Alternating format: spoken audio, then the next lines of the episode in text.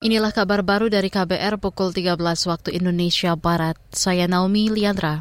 Anggota Komisi Hukum Dewan Perwakilan Rakyat DPR, Santoso, mengatakan perlu perubahan radikal di dalam sistem peradilan di Indonesia. Hal ini ia sampaikan merespon penahanan Sekretaris Mahkamah Agung Hasbi Hasan oleh Komisi Pemberantasan Korupsi KPK terkait kasus suap pengurusan penanganan perkara di MA wakil Tuhan untuk memutuskan satu perkara yang menjunjung tinggi nilai kebenaran masih juga melakukan gratifikasi ya, dengan menerima suap, kemudian perantaranya juga sekjen Mahkamah Agung. Ini berarti memang hukum di negeri kita ini semuanya akhirnya berujung kepada maju tak gentar membela yang bayar. Untuk itulah diperlukan perubahan radikal mulai dari rekrutmen sampai dengan pengawasan termasuk juga undang-undangnya. Anggota Komisi Hukum DPR Santoso juga meminta pengawasan dilakukan secara dinamis seperti pola rekrutmen yang persyaratannya harus diperketat. Hal ini penting agar celah suap yang dilakukan oleh para hakim bisa dilacak dan diminimalkan.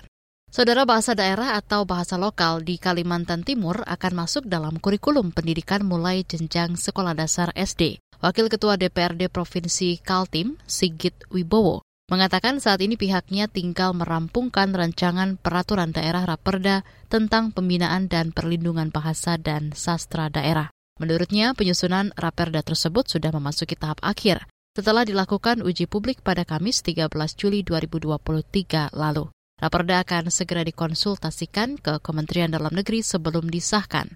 Memasukkan bahasa lokal dalam kurikulum ini menurutnya penting mengingat Kalti menjadi bakal ibu kota negara di mana ratusan ribu hingga jutaan warga akan datang dengan berbagai budaya.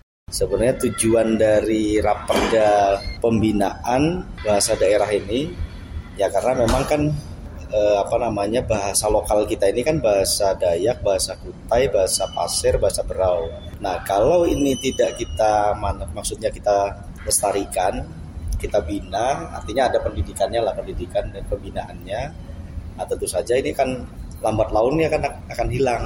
Itu tadi Wakil Ketua DPRD Provinsi Kalimantan Timur, Sigit Wibowo. Perhimpunan Bangsa-Bangsa Asia Tenggara ASEAN mengapresiasi Indonesia sebagai ketua tahun ini dalam mengintensifkan upaya melibatkan semua pihak dan pemangku kepentingan di Myanmar guna meredam konflik. Pernyataan tersebut disampaikan dalam komunike bersama kepertemuan Menteri Luar Negeri ASEAN ke-56. Dalam pernyataan itu, para menlu ASEAN menyatakan posisi untuk terus mengacu pada konsensus 5 poin 5 PC dalam penanganan krisis Myanmar. Konsensus 5 poin antara lain menyerukan penghentian kekerasan, dialog dengan semua pemangku kepentingan, serta mengizinkan utusan khusus ASEAN untuk mengunjungi dan bertemu dengan pemangku kepentingan di Myanmar. Demikian kabar baru saya Naomi Liandra.